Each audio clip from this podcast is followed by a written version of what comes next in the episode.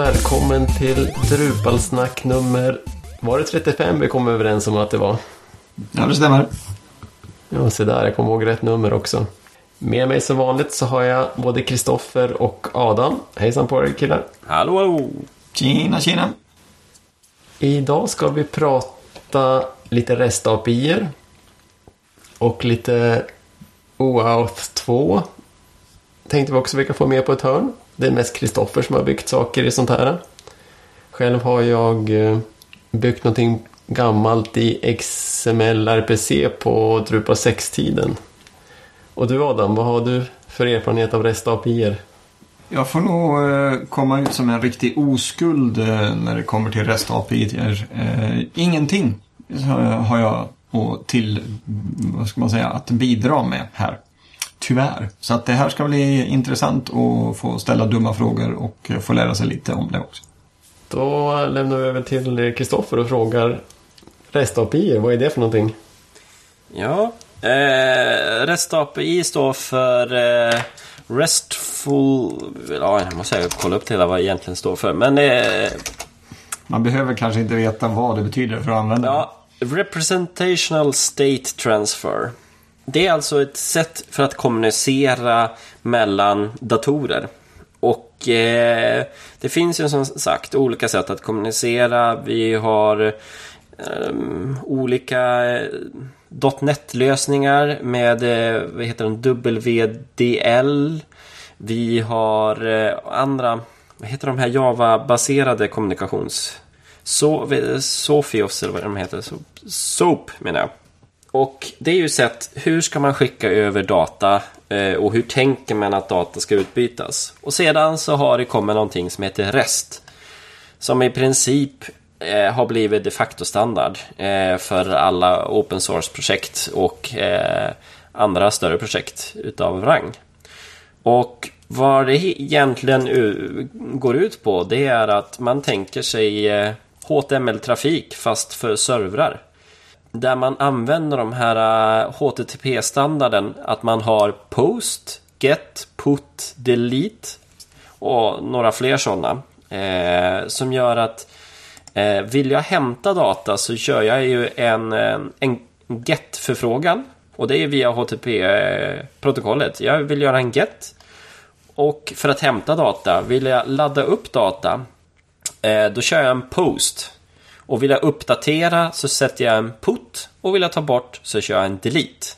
Och det gör jag på en URL där jag har min resurs. Och det fungerar ju väldigt likt som eh, mina resurser är mina content types. Så ska jag hämta data kör jag en get och ska jag ta bort dem så kör jag delete. Och, och oftast så pratar man eh, antingen JSON eller XML i eh, själva filinnehållet. XML har varit ganska stor för den har lite syntaxverifiering eh, så att du kan säga att den här XML-filen jag har är en korrekt skriven. Och du kan också göra länkningar i XML och säga att den här resursen eh, den här content typen har en relation till den här content typen. Eh, det är lite svårare att lösa i JSON du kan göra det i JSON, men eh, i XML kan du ha ett, ett standardiseringsdokument där du definierar upp reglerna för hur XML-filen får vara. Så att eh, REST, det är ett sätt att prata mellan servrar, vilket är en mm, egentligen bara HTML-trafik. En, en variant utav det som har blivit väldigt, väldigt populär eh, bland utvecklare. Och Eh, om man säger Google API eh, är ganska mycket eh, REST API-aktigt när man hämtar data ifrån dem. Deras web services och lite sådana här saker. Just för att hämta datan. Sen har de ju oftast ett Java-bibliotek som man jobbar i. Men om man inte skulle ha Java-biblioteket att jobba i utan eh, skickar data till dem. Där är det oftast deras XML-anrop. För att det är ju en URL man går till Eh, för att eh, hämta tillbaka data. Så att det är väl lite grann vad REST-protokoll eller eh, vad REST står för. Och därför så innebär det att när man exponerar ut sin data så är det, det är datan man exponerar. Eh, man har inte funktioner som... He, de, brukar, de heter ju inte Get Active, eh, active Tracks eh, om man har en, eh, en låtlista. Utan då går man på resursen eh, Tracks och sen kör man en get och sen har jag i, med min, eh, i min get-förfrågan så skickar jag med query-strängen där jag sätter att aktiv ska vara lika med true för att få hämta ut det hela. Och ska jag spara data då, är det ju, då går jag ju mot tracks och gör en, eh, en eh, post för att jag ska skapa ny. Och sen skickar jag med den datan som ska göras. Därför så, eh, den är ju väldigt rå emot datan du jobbar med. Eh, och, och, du har in, lite svårare att paketera in hur saker och ting ska göras. Eh, att hur eh, Flöden och sånt är ju lite svårare att lösa. De här resurserna man sätter upp. Om jag har, eh, jag har ett CD-album där jag har låtspåren på. Så kommer ju CD-albumet vara en resurs som jag kör min get på. Sen så måste jag ju hämta ut låtarna och då ska låtarna vara egna eh, resurser som jag hämtar med egen get-förfrågan? Eller ska jag kunna få med dem i XML-resultatet? Eller det, man hamnar i filosofiska frågor, hur sann man ska vara emot en teori, hur rest ska fungera, eller ska man vara mer praktisk? Eh, så att därför så finns det lite olika varianter hur man jobbar med rest. Men eh, i övrigt så kom ju mycket mer som man eh, är van från webb. Autentisering löser man genom att man har en cookie eller en session-id som man skickar med. Så därför måste jag gå till en resurs och logga in först för att sedan få eh, hämta, hämta data. Då skickar jag in med min session i det så att de vet att jag är jag. Och där genom inloggning så sköter man ju också vilka accessrättigheter eh, jag har, hur resultatet ska returneras tillbaka. Och den är också stateless. Så det behöver inte vara samma server som returnerar samma svar i restförfrågan utan det kan ju skala upp. Jag kan ha tio olika webbservrar som tar varsitt anrop. För det är ju en typ av HTML-trafik. Så så skulle jag, skulle jag förklara lite grann vad REST är. Hänger ni med? Mm. Jag kan ju dra ett, eh, mitt lilla praktiska exempel för några år tillbaka sedan. När jag åt en kund, eh, de hade något eh, det var ett gammalt ASP-system de hade hela sitt medlemsregister i. Och så behövde de kunna synka det med, eh, med Drupal.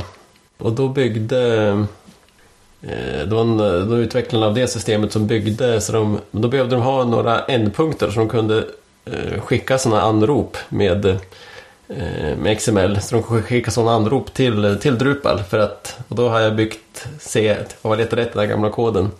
Då har jag funktioner för user create, user update, user delete, user unblock och user block. Då, kom jag, då kunde de skicka eh, en, eh, ett gäng XML till den här eh, user create. Och så den XMLen innehöll då informationen som eh, Drupa tog emot den XMLen, parsade ut den och sa att okay, det här är användarnamnet, det här är förnamn, efternamn och ja, vad det nu var för någonting. Och så skapar de en, en användare i Drupal. Så på så sätt kunde de, behövde man inte föra in innehållet eh, två gånger utan de matade in allting i sitt medlemssystem och så fick alla användarna ett, eh, ett medlemskonto i Drupal. Och när de slutade betala så blev de väl blockerade eller deletade och sådär. Mm.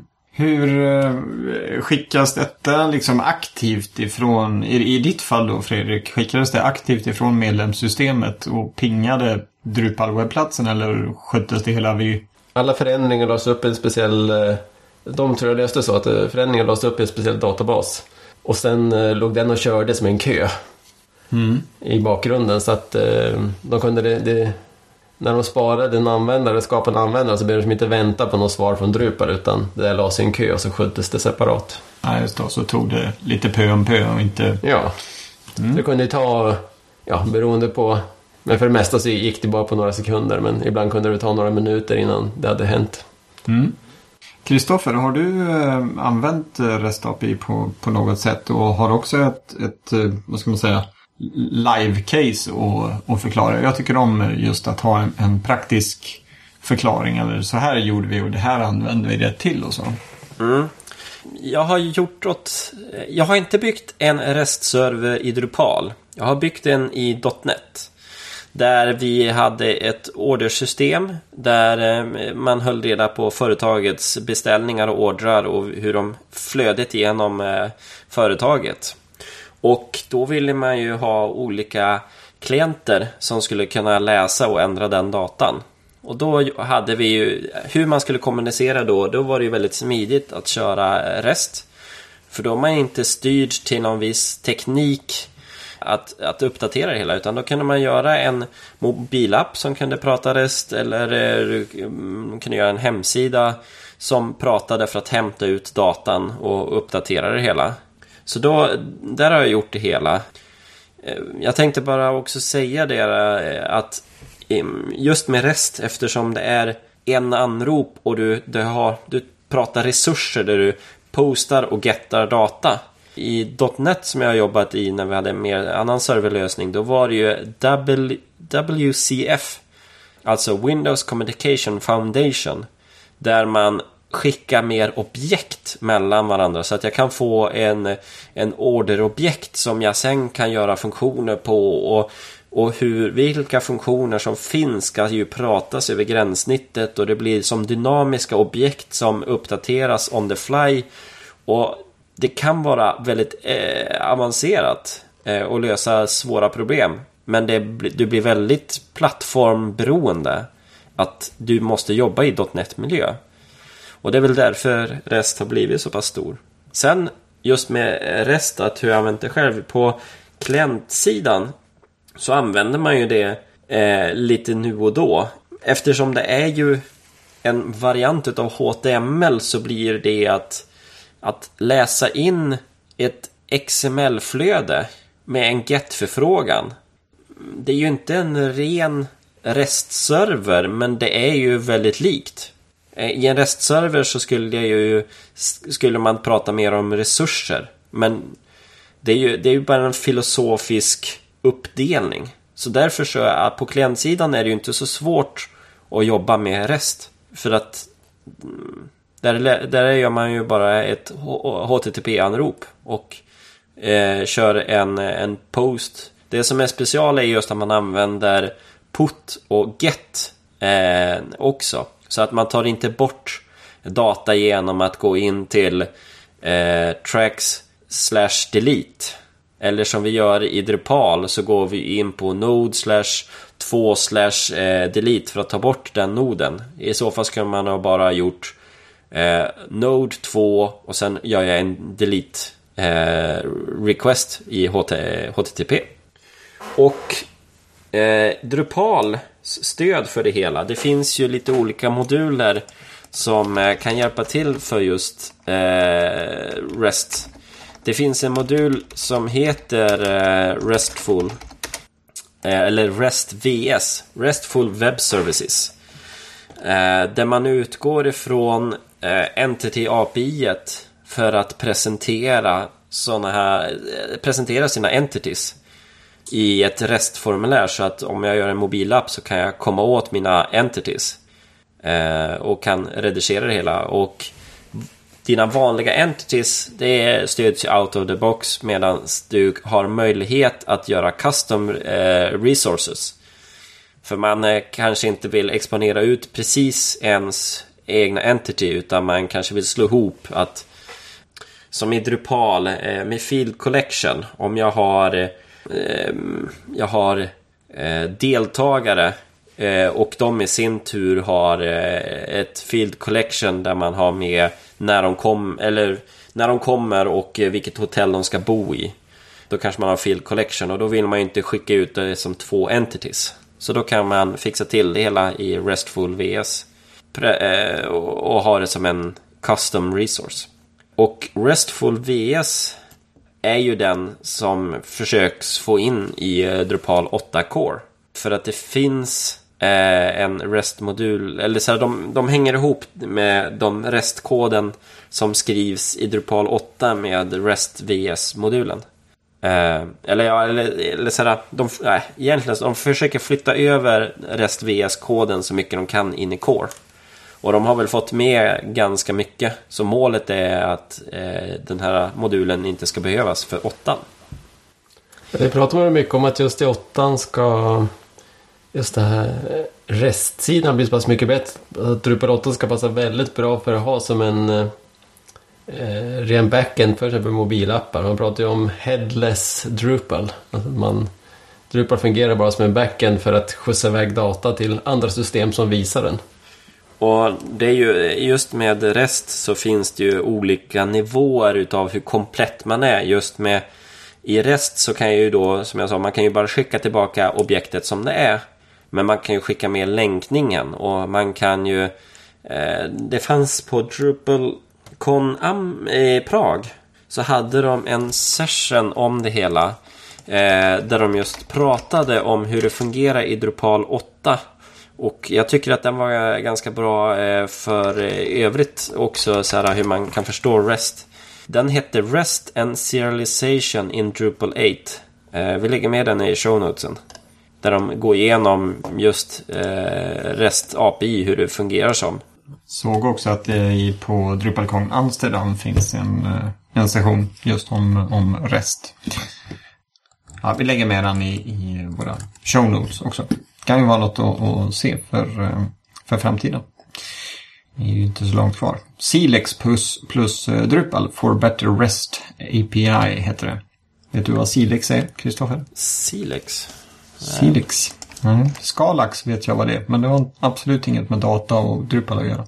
Ja, jag får kolla upp det. Den här RESTful eh, Web Services ser rätt intressant ut. Den har jag nog mm. Den här Services har jag tittat på en del, men den här ser rätt intressant ut i samband med Entities. Den har funnits ett tag också, jag vet inte varför jag har missat den här. Nej, den, är, den verkar vara eh, rätt så stabil. Mm. Det är ju det är ganska många som använder den också va? Ja, det är... Ja, 2000. Ja. Hur många är det som kör Services? Det är väl det var ett gäng fler gissar jag. Ja, 30 000. Ja. Och där kan vi ju säga Services. Det är, eh, är en annan modul som löser eh, det här eh, att eh, en Drupal-server ska kunna fungera som navet i en organisation. Och Services är en, är en gammal modul som har funnits med, de är uppe i version 3.7 nu. Eh, den, försöker, den heter ju som Services för att den försöker vara övergripande. Så det är en modul som stödjer REST, XML, RPC, och eh, SOAP och lite sådana här andra eh, JSON-format och så. Eh, här är ju då att kunna lösa alla dem, att kunna göra en, en services och kunna eh, fungera som navet. Och det, den kan visst lösa alla problem, men den är lite halvkomplex att sätta sig in i. Att, eh, att förstå den. Så många som bara vill komma igång. Ja, men jag vill få min Eh, jag vill få min eh, mobilapp att prata med Drupal-sajten. Då kommer de oftast börja på REST-VS-modulen. Men börjar man ha speciella behov där du har en, en klientprogramvara som är befintlig. Där man har eh, en, en handdator eh, i organisationen redan nu och man byter ut Drupal Eh, eller man, man byter från någon annan serverprogramvara till Drupal och där du måste stödja SOAP.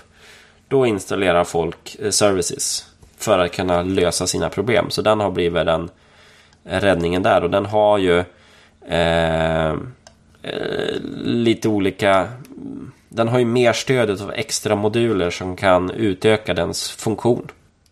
En större och komplexare lösning. Mm. Använde inte Good Old den här när de byggde någon så här stor portalgrej i Skåne? Där de hade massa, alla organisationer och sånt i Skåne kunde skapa egna små subportaler och så skicka data mellan varandra. Kan vara, men jag, ja, jag har dålig koll på det. Mm. Ingen, ingen aning får jag säga. Mm, jag tror det var någon, det var någon sektion på någon Drupal camp. Det kan vara det är några år sedan.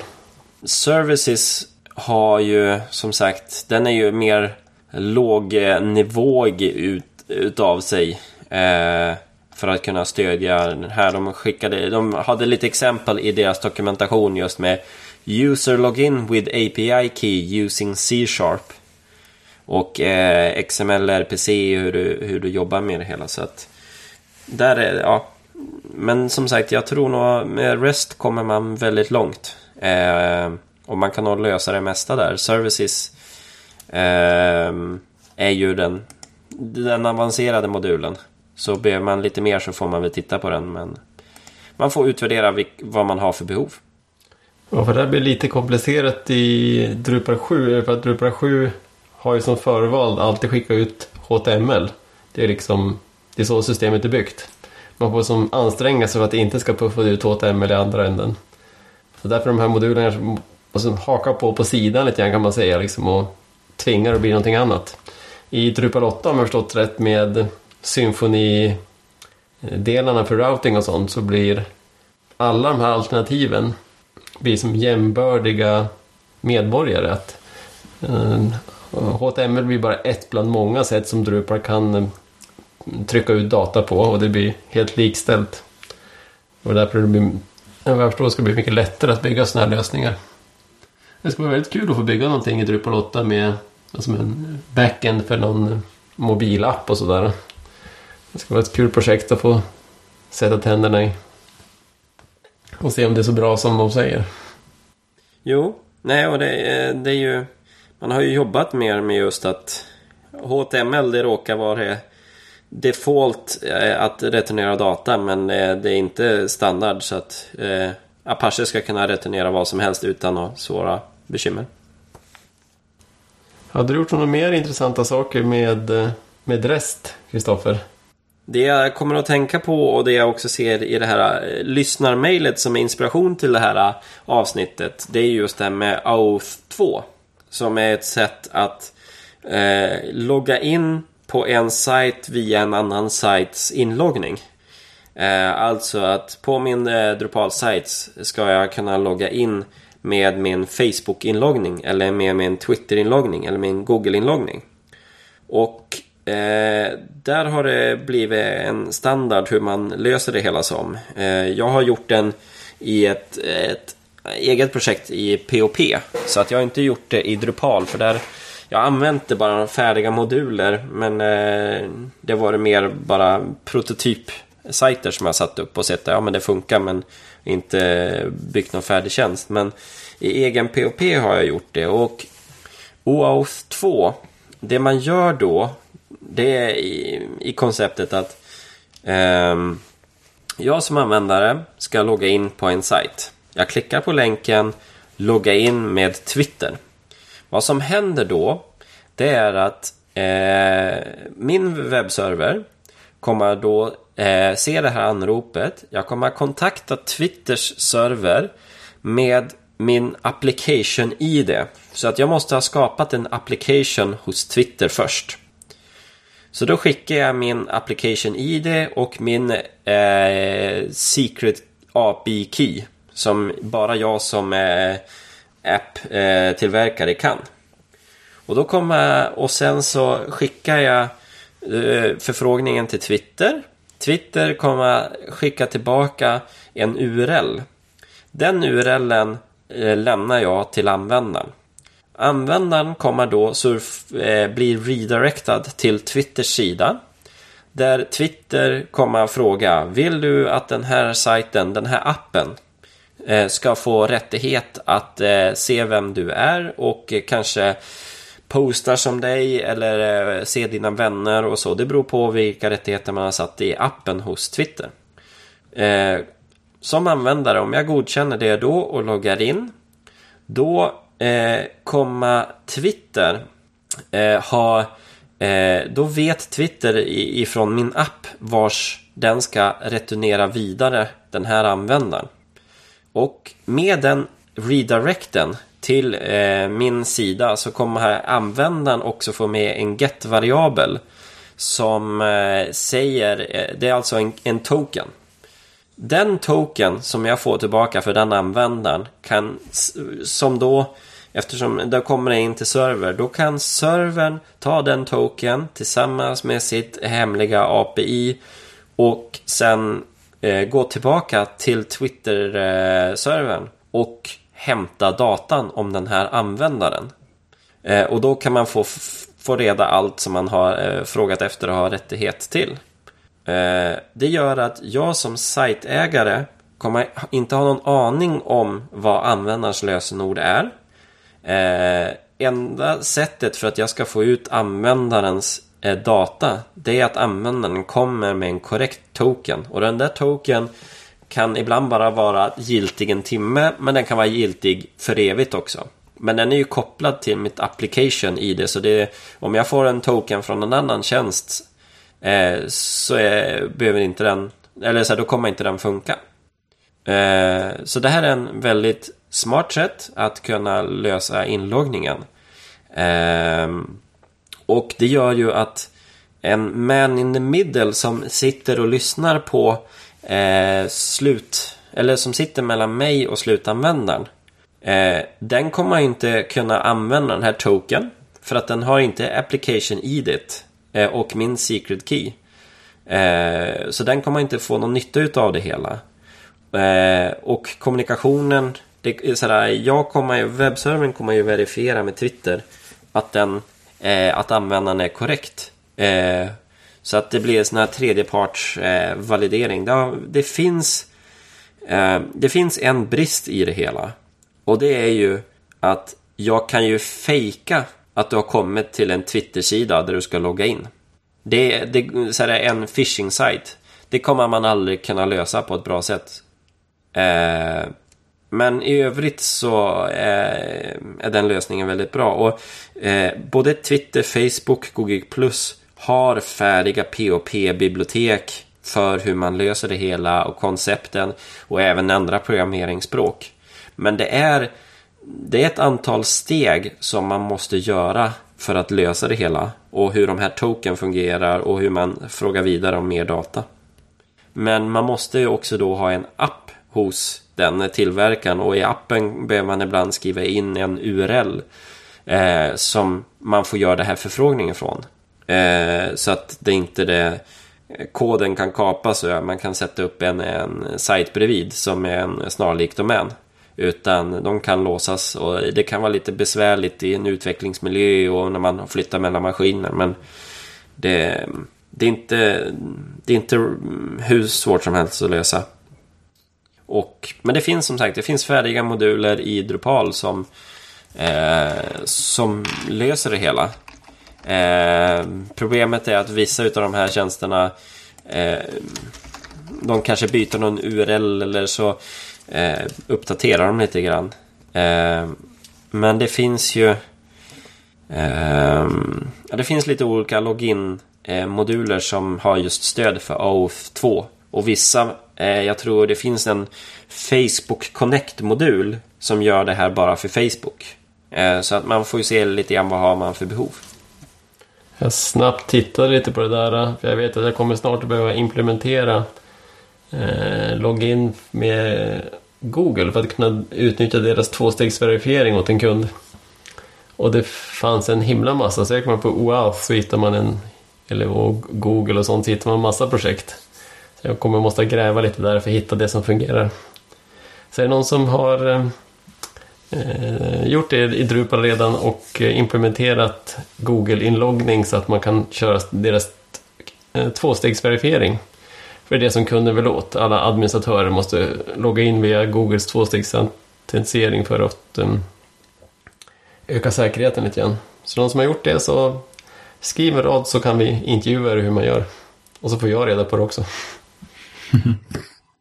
Mm. Dela lite kunskap och information med varandra. Det är det som för oss framåt. Det finns ju även moduler för eh, Drupal där du kan bli en egen sån OAuth-server så att andra kan använda dig. Ehm, och det här är ju, det är ju en typ av OpenID eh, där OAuth 2 har blivit den nya standarden som är den lite säkrare än OpenID. Är någon som vet eh, mellan alla Drupal-webbplatserna, när man kör Groups och Localize och Security och alla de här, alltså Eh, är det gemensam inloggning. Eh, är det OAuth de kör där eller är det någon, någon som har, har pejl på det?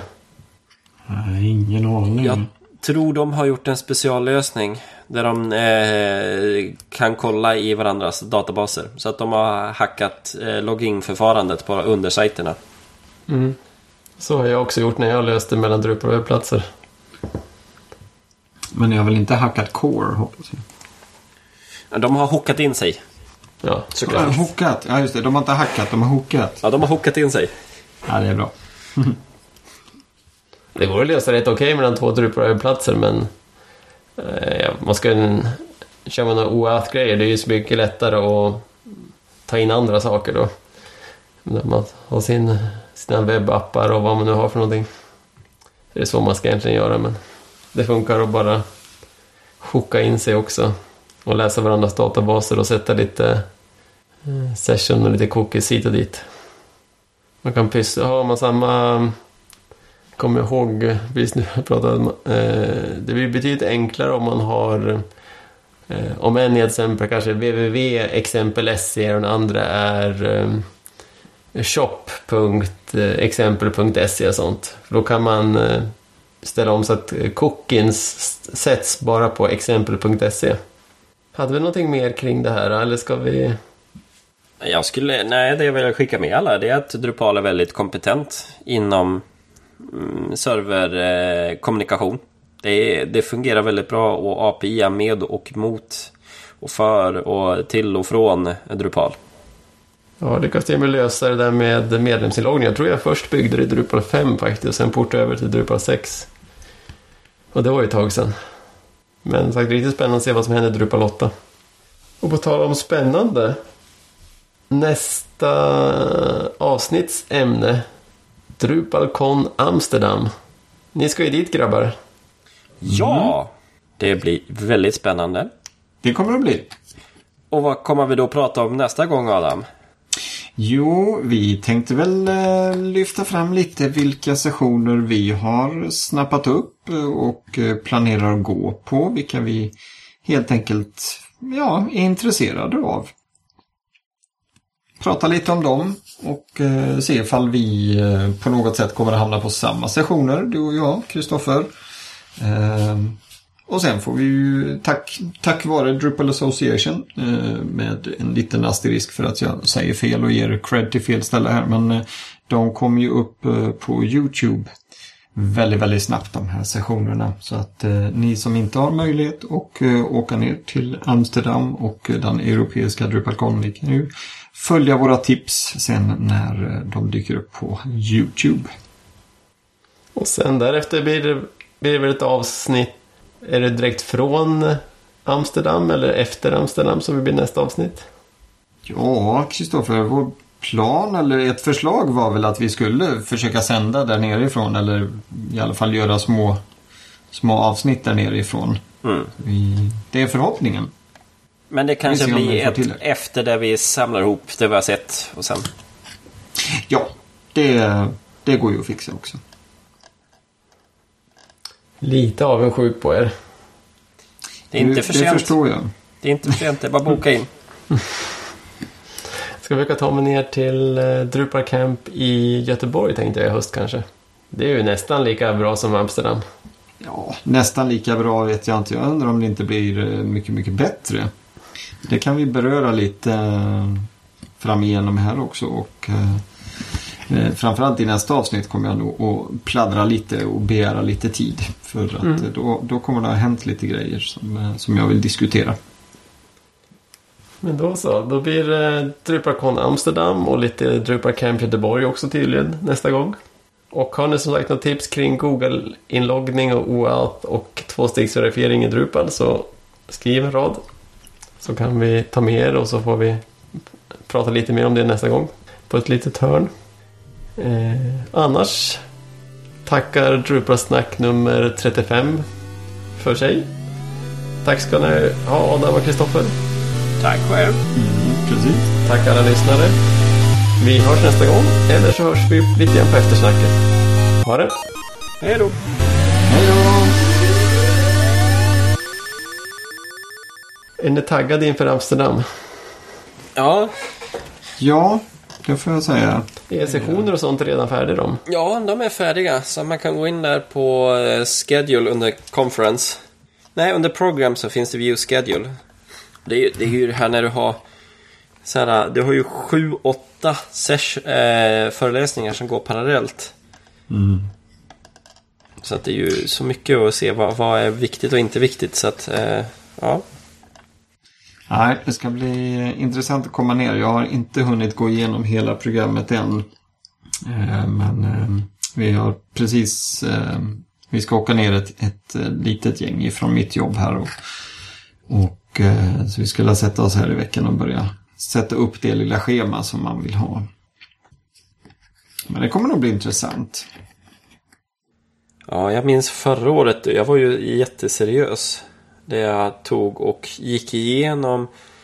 Eh, dels har man ju, ja men som min del så kommer jag ju tycka det är väldigt kul med DevOps.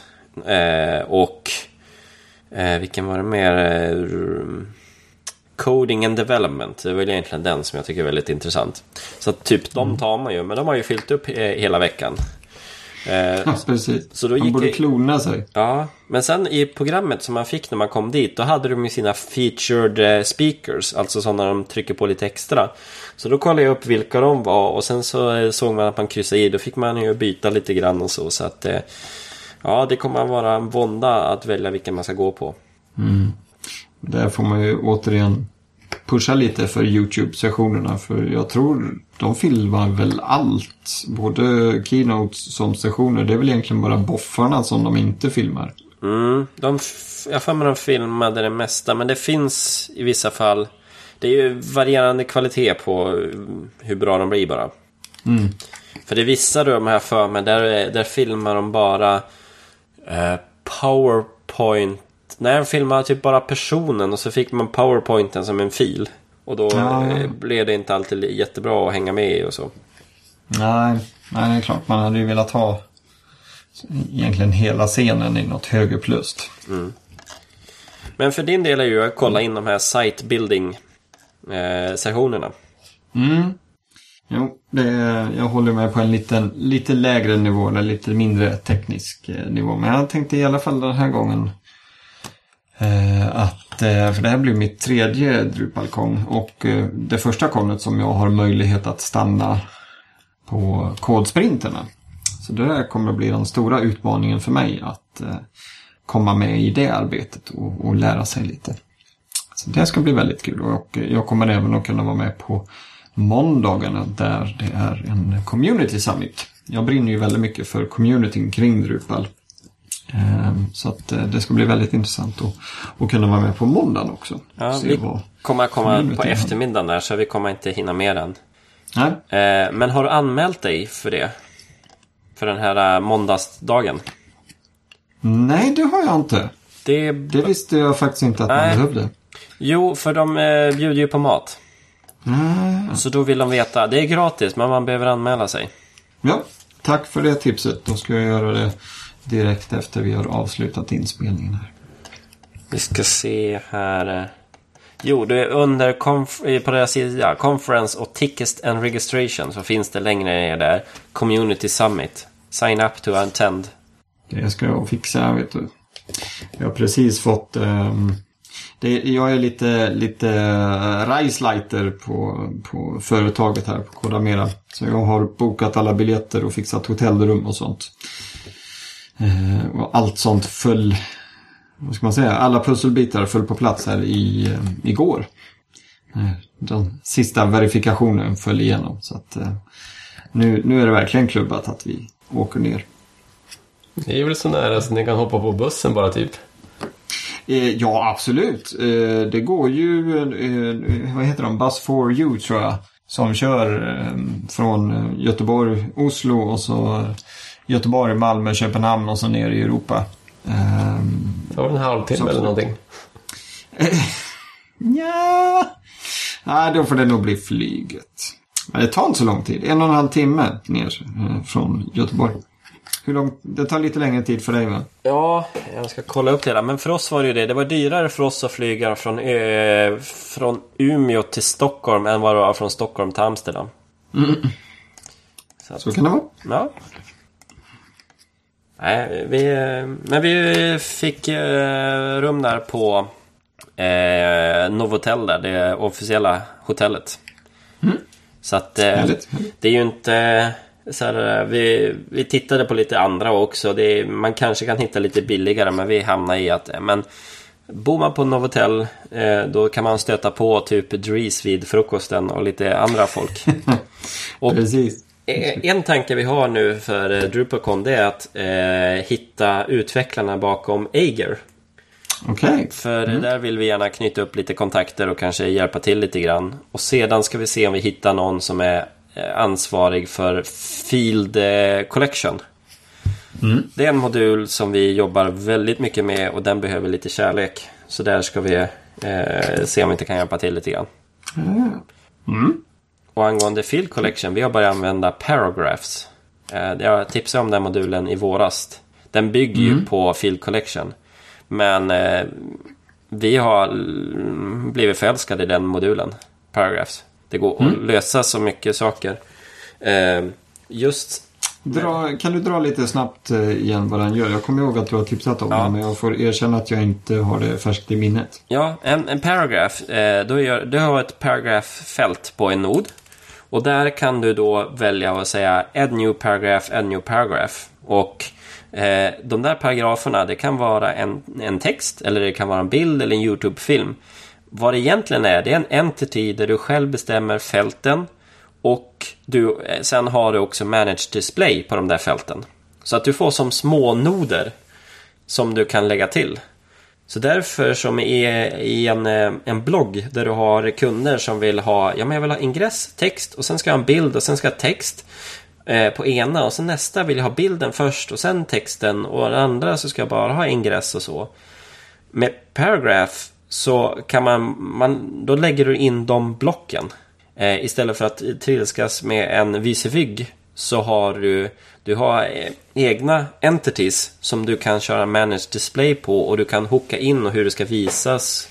Så, och styla in det att, ja men eh, vi hade en sida som vi skissade på här nu där man på första sidan har som block för eh, med bilder. Där ibland kan det vara en fullstor bild. Eller så kan det vara ett block som har en stor och två små. Eller så kan det vara två stycken eh, bredvid varandra. Och lösa det där eh, dynamiskt, då, du måste in med panel, panelizer eller något sånt för att hitta någon bra lösning på det hela. Men med eh, paragraphs så gör man en, en paragraf som heter bara full image.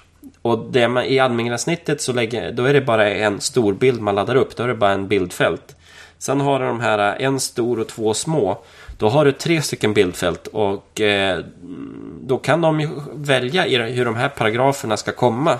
Ska de komma först? Ska den stora bilden komma först? Eller ska de komma nedanför? Och ska du ha den stora bilden eller så? Så att den, eh, ja, den kanske inte ser så snygg ut att jobba i. Men du får strukturerad data. Eh, och du kan lösa saker och du kan göra...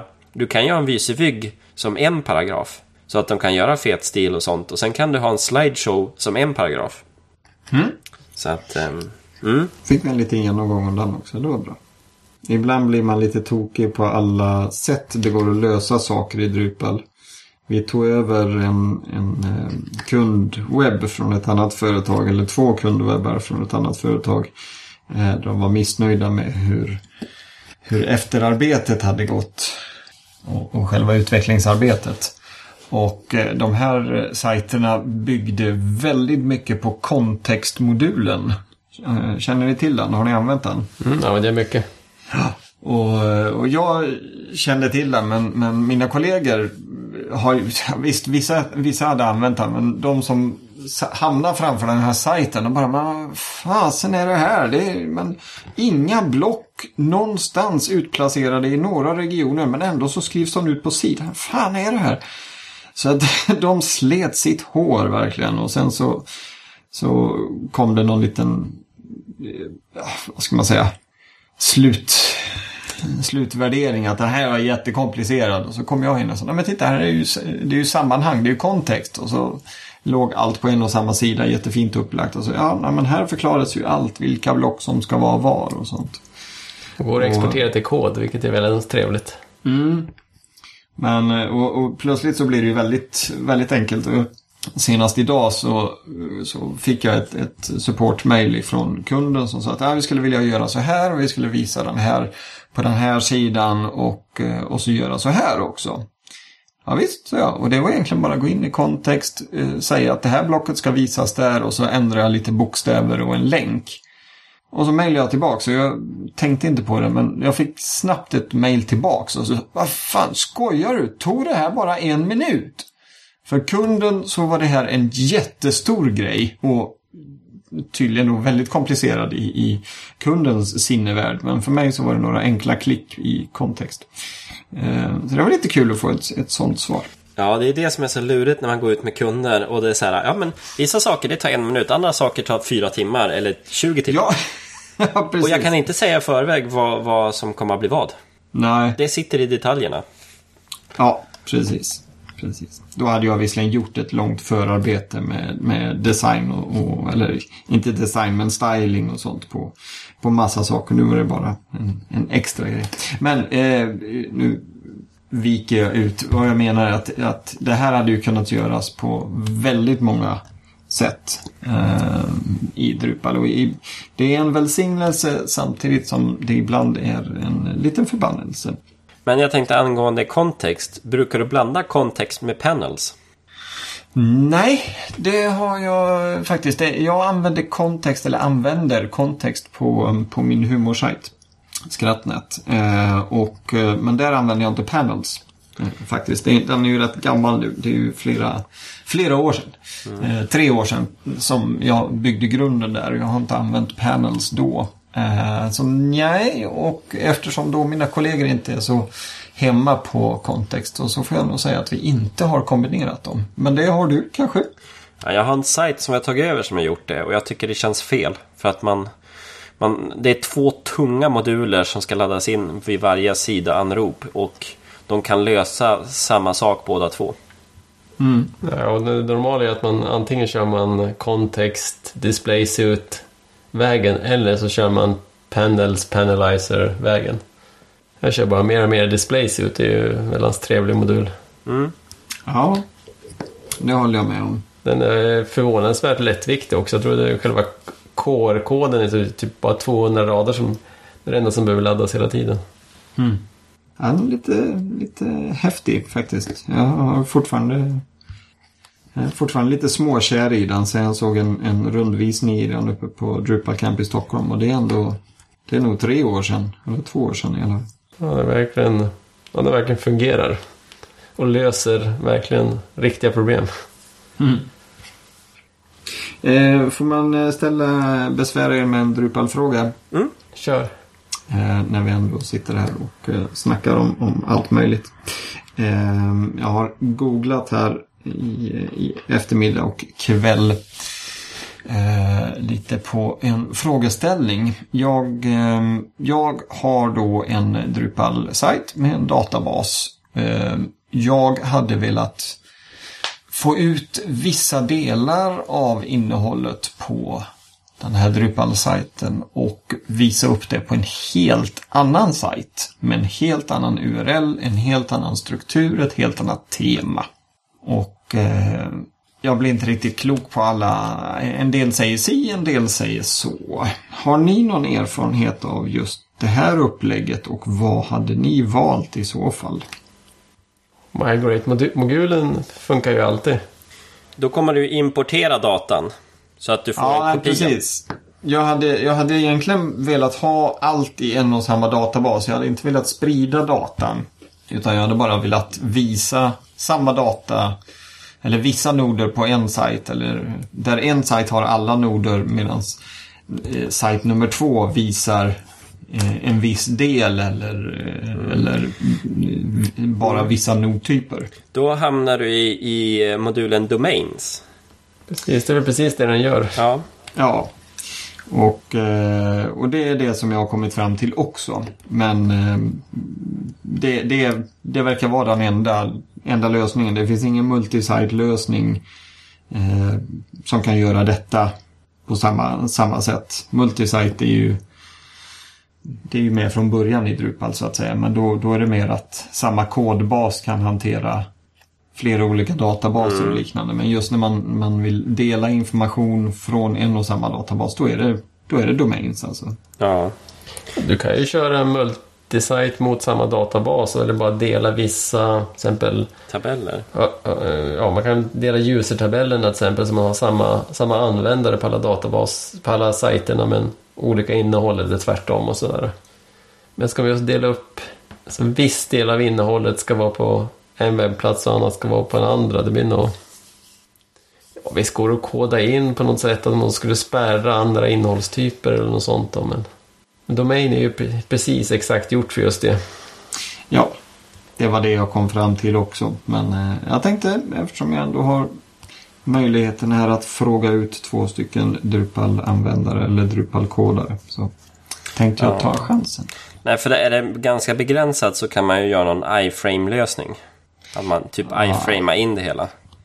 Nja, iframe. Nej, det skiter vi i. Nej, men då, då blir det domains helt enkelt. Det, det var ändå en av de vägarna jag tänkte gå. Så att, eh, får man titta på det när man nu ska hinna det. Sen kan jag väl bara flika in också att om någon av er hade hackat core idag och tagit koll på våran kattunge så hade det inte varit helt värdelöst. För idag har han varit riktigt jävlig.